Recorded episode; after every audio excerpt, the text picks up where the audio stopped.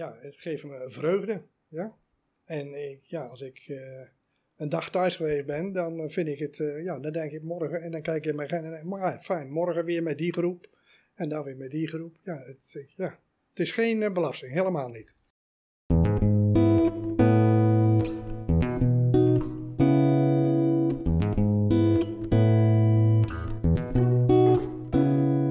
Hoi, goed dat je luistert en welkom bij deze podcast, waarin ik in verschillende afleveringen in gesprek ga met vrijwilligers die werkzaam zijn bij Sirenlo. Ik spreek hen over hun motieven om dit werk te doen en ben benieuwd naar hun verhaal en ervaringen. Mijn naam is Judith Lubbers. In deze aflevering ontmoet ik Kees van Dijk, die met cliënten rondritten maakt op een huifkar. Ik mag met hem mee en nadien praten we over het vrijwilligerswerk dat hij doet. Voor de luisteraars stelt hij zich nog even voor. Ik ben uh, Kees van Dijk. Ik woon in Banneveld. Ben getrouwd met Eefke. Ik had twee kinderen en daarvan hebben we er eentje nog die hier bij Cirolo in dit huis zit. En sinds uh, 2003, 2004 doe ik uh, vrijwilligerswerk. Ik ben hier begonnen als monteur voor de fietsen, de rollators en dat soort dingen. Ik heb altijd gezegd, ik ben onderhoudsmonteur van al het rollend materieel bij Cirelo. Maar op een gegeven moment uh, is dat overgegaan in het rijden met een huifkar met de bewoners hier. Voordat ik het deed, was er een boer hier in de omtrek. Die had een tractor en een huifkar en die kwam wekelijks kwam die hier naartoe en reed hij met de cliënten. En die meneer die is met pensioen gegaan. Inmiddels leeft hij niet meer, maar dat heb ik toen een jaar of acht, negen geleden overgenomen. En dat is dus nog steeds rollend materieel waar je mee bezighoudt. En het is nog steeds rollend materieel, ja. En de fietsen en dat andere, eh, de, de, de eh, karren en dat soort bandenplakken, reparaties, die heb ik langzaam aan me afgebouwd.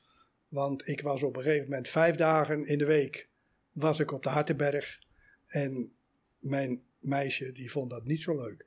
Om dat heel voorzichtig te zeggen. Dus die claimde mij ook natuurlijk een aantal dagen. En dat ging niet. Dus we hebben nu de afspraak. Twee dagen in de week ben ik hier. Woensdags sowieso nooit. Dan doen we samen leuke dingen. En maandags en vrijdags wil ik wel eens invallen. Maar liever niet. En in de weekenden dan uh, doe ik het ook niet. En met wat voor mensen rij je dan in je huifkar? Van uh, allemaal verstandige gehandicapten van hoog tot laag niveau. En ook rolstoelbewoners, die gaan ook regelmatig mee. Ja, en een hele variatie. En zou jij, um, om even een stukje terug in de tijd gaan, kunnen vertellen waarom je bent begonnen met het vrijwilligerswerk bij Cirelo?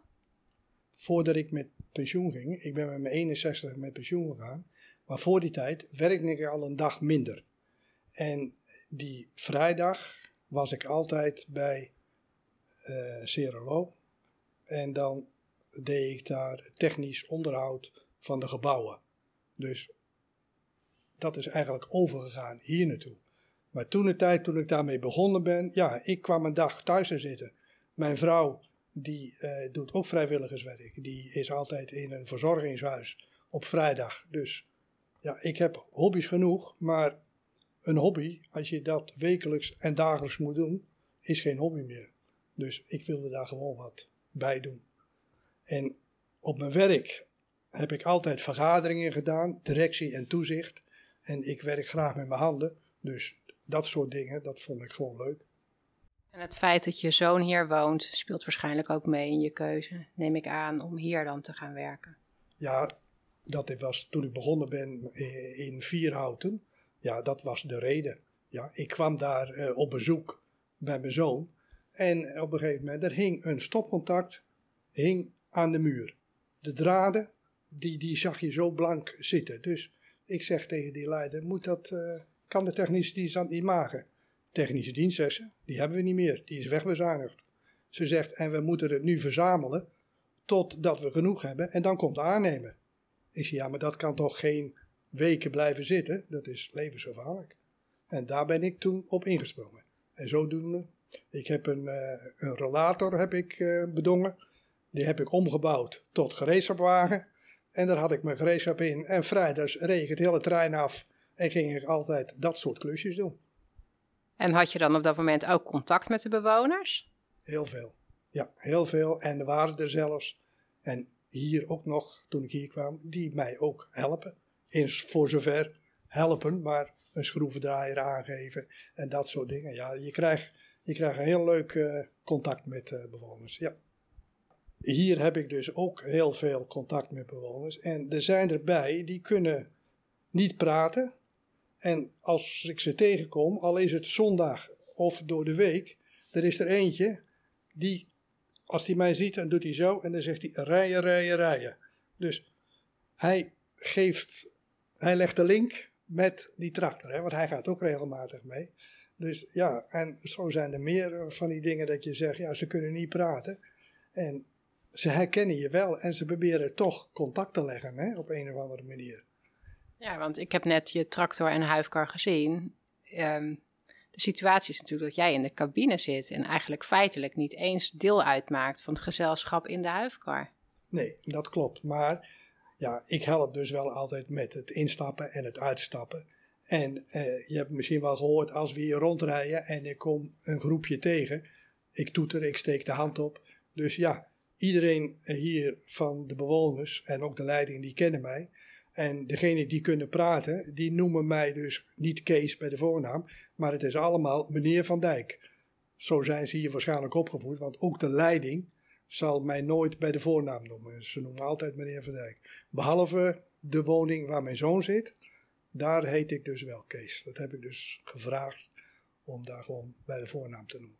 En je, en je ziet ook je zoon dan ook twee keer per week hier? Nee, nee, nee. Want hij is. Ja, als die. Uh, toen de corona er nog niet was, toen kwam ik hem. Ja, wel twee keer in de week, maar meestal kwam ik hem wel tegen.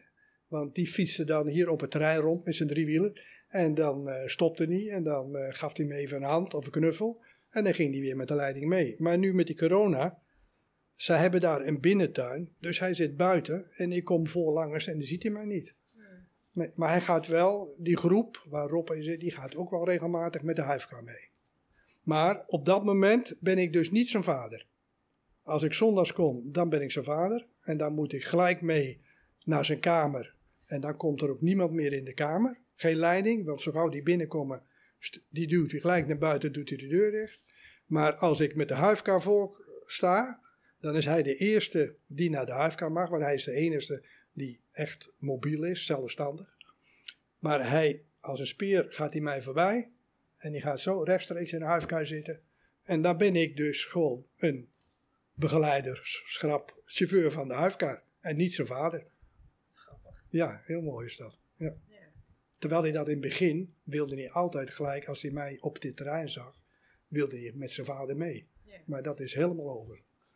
Mits ik mevrouw erbij is, want dan is het, zijn we samen en dan is hij niet meer te houden en dan blijft hij niet bij de leiding. Dan komt hij bij ons en dan blijft hij bij ons. Nou, dan is het misschien voor hem ook wat onduidelijker. Ja, en mijn vrouw is er ook alleen maar in de weekenden bij. Dus voor hem is dat ook heel duidelijk. Als we samen zijn, dan komen we voor hem.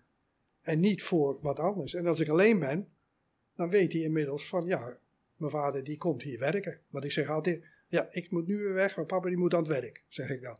En prima. Ja. En uh, hoe ervaar jij het vrijwilligerswerk wat je hier doet? Nou, ik vind het heel fijn en ik vind het heel ontspannen. Ja, en wat ik je straks al zei, van, uh, ja, het is ook een, een soort uitlaat, uitlaatklep voor mij. Ja, de hele week thuis en aan je hobby's. En dat, dat werkt niet. En dit is een hele mooie afwisseling. En het kost geen energie.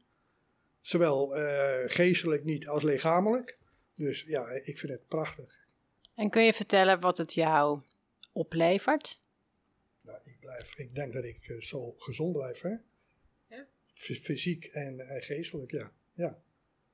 En ja, het geeft me vreugde. Ja.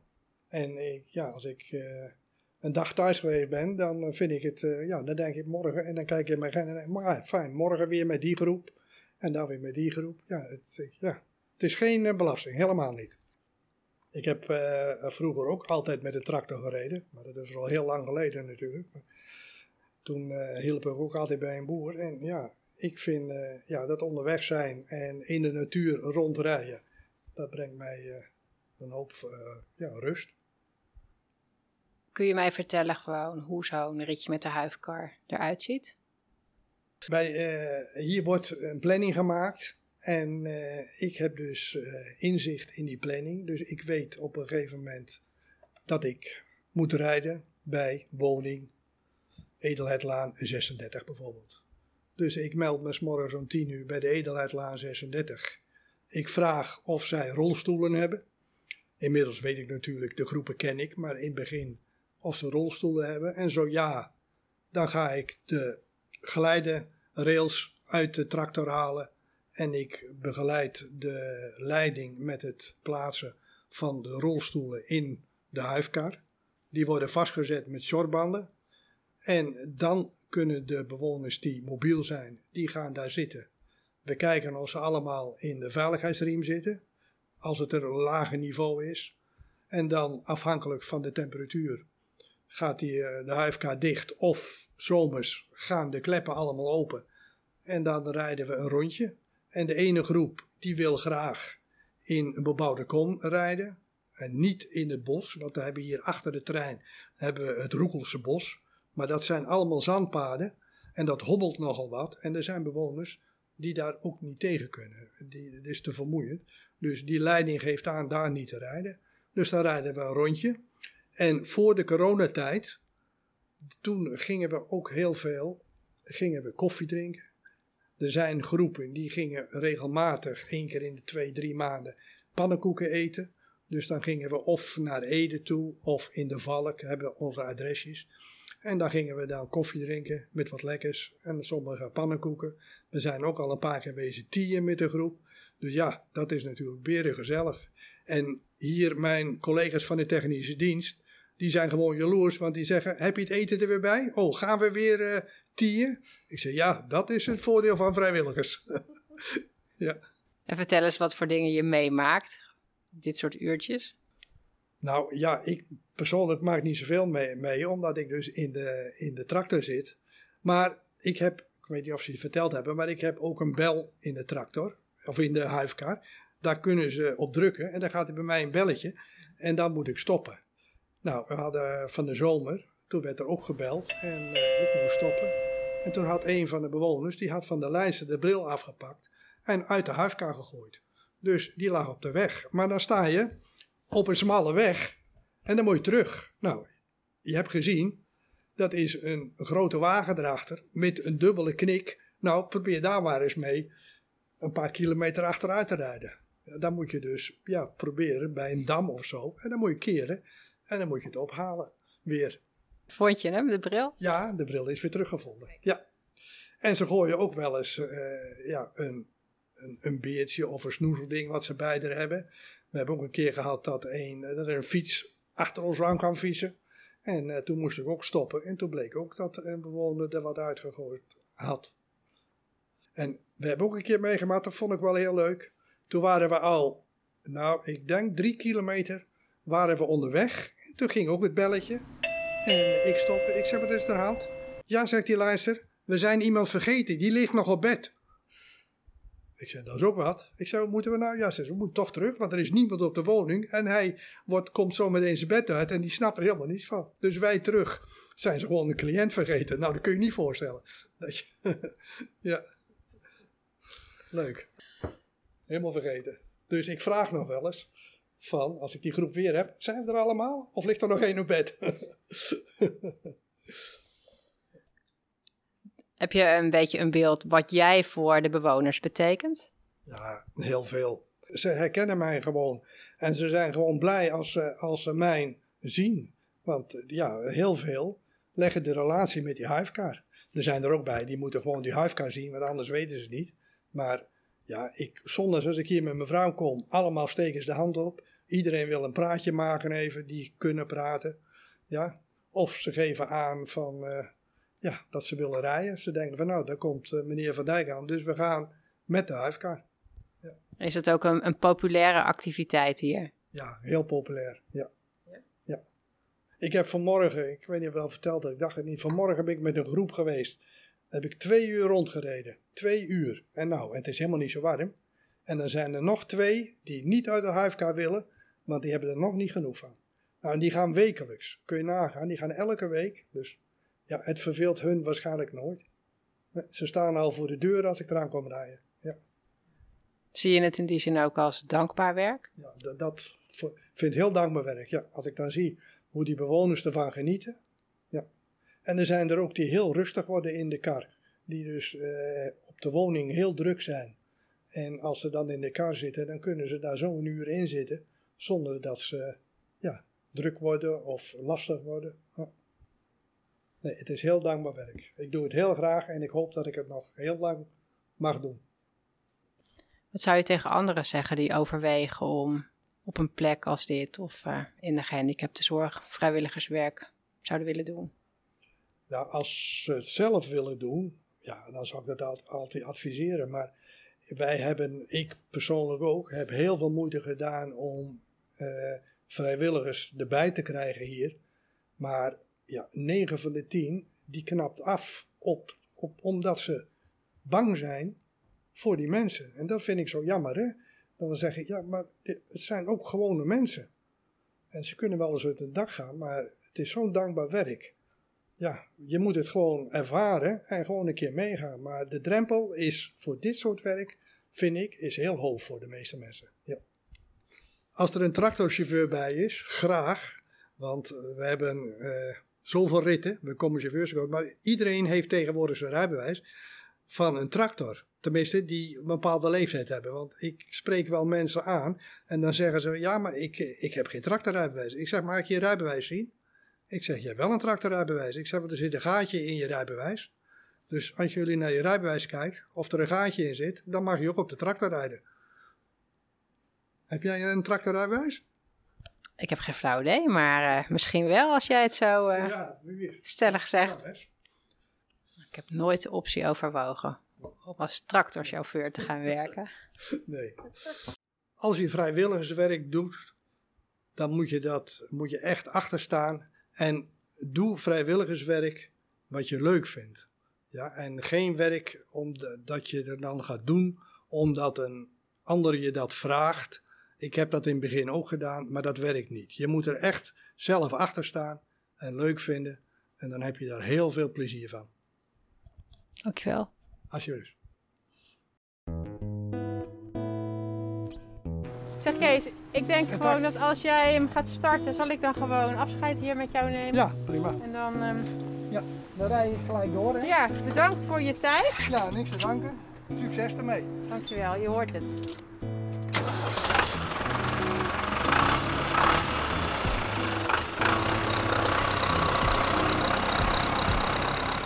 Jou als luisteraar wil ik bedanken voor het luisteren naar deze podcast. Ben je enthousiast geworden en wil je ook iets extra's betekenen in het leven van mensen met een verstandelijke beperking? Kijk dan op de website www.serenlo.nl slash vrijwilligerswerk. Je vindt hier meer informatie, filmpjes en verhalen van andere vrijwilligers. Je kunt natuurlijk ook direct een afspraak maken met een van onze vrijwilligerscoördinatoren. In de volgende en helaas alweer laatste aflevering van deze podcastserie over vrijwilligers ontmoet ik Ingrid Hilbrink. Zij is behalve vrijwilliger ook bewoner van Serenlo. Ik heb met haar een heel leuk gesprek dat uiteindelijk een hele onverwachte draai krijgt. Ik hoop dat je dan weer luistert. Wil je zeker weten dat je geen aflevering mist? Abonneer je dan op onze podcast. Tot de volgende keer.